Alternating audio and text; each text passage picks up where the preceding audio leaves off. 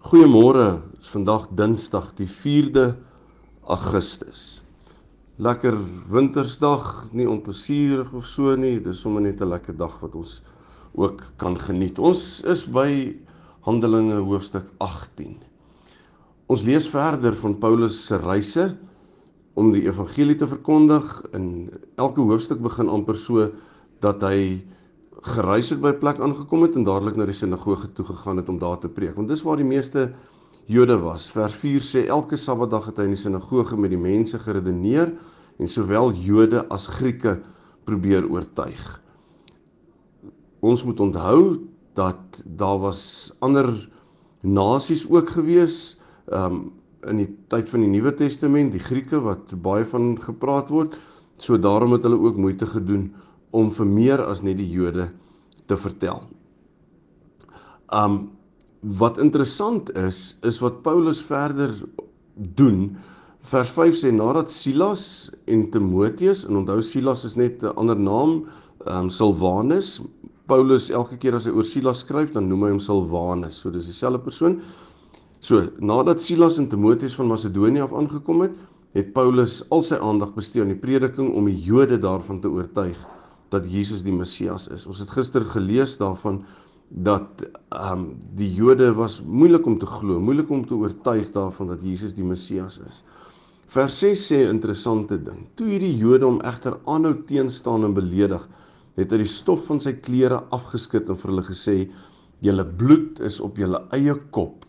Ek is onskuldig. Van nou af spits ek my toe op die nie-Jode." Daardie stukkie kan ook vertaal word as ons na die grondteks kyk om te sê as jy verlore gaan, is dit julle eie skuld. Hierdie vers het my nogal laat dink om te vra, net vir jouself die vraag af te vra, miskien is daar van julle wat ook al daaroor gewonder het. Is daar 'n punt wat ek moet ophou probeer om iemand na die Here toe te lei wat hardkoppig is, wat net sê nee, wat weier om te glo? Dan sien ons en ons haal baie keer vir Paulus aan oor goed wat hy gesê en gedoen het. As ons nie, dis evangelie, dit wat Paulus hier gesê het, is beslis evangelie en dit wat hy gedoen het is evangelie. En hier sê hy, hoor die ouens, ek het my bes gedoen. As julle nou verlore gaan, is julle eie skuld. Ek het my kant gebring.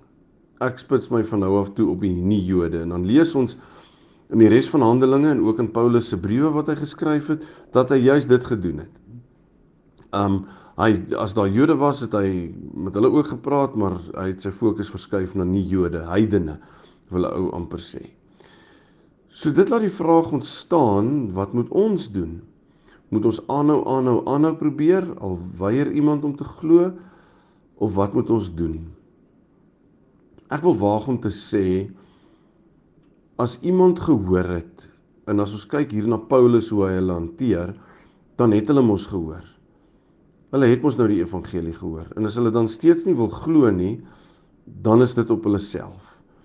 En ek dink dit moet ons manier of ons uitkyk ook daarop wees. Om te sê as ons vertel dit en mense weier steeds om te glo, dan is dit op hulle. Ons het vertel.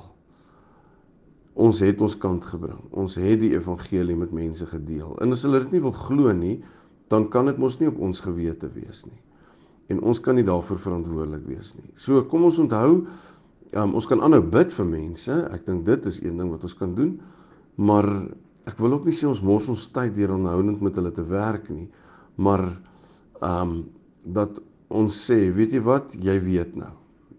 As jy nie geweet het nie, sou dit my verantwoordelikheid gewees het, maar nou weet jy, so die keuse is joune.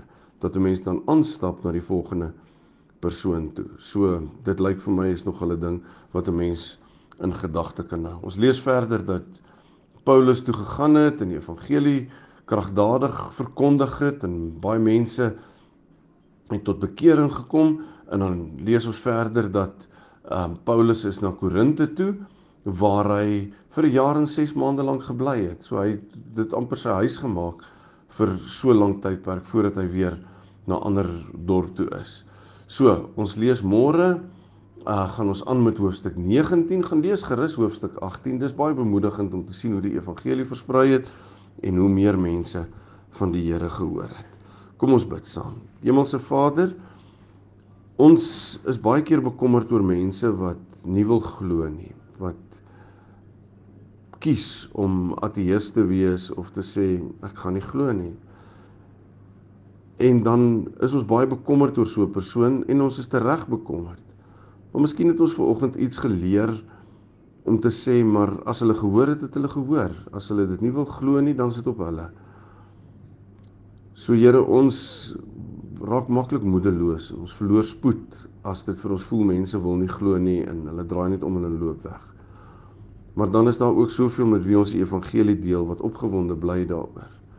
En daarvoor dank ons U. Here, so ons gaan aanhou om te saai. Dit is ons werk. Op klipprige grond en op harde grond, op vrugbare grond, maak nie saak waar nie. Maar ons gaan aanhou saai. Dankie Here dat ons in U diens kan wees om die evangelie met mense te kan deel met woorde maar met dade wat dit bevestig. Dankie daarvoor. Amen. Lekker dag verder vir almal ons gesels môre weer.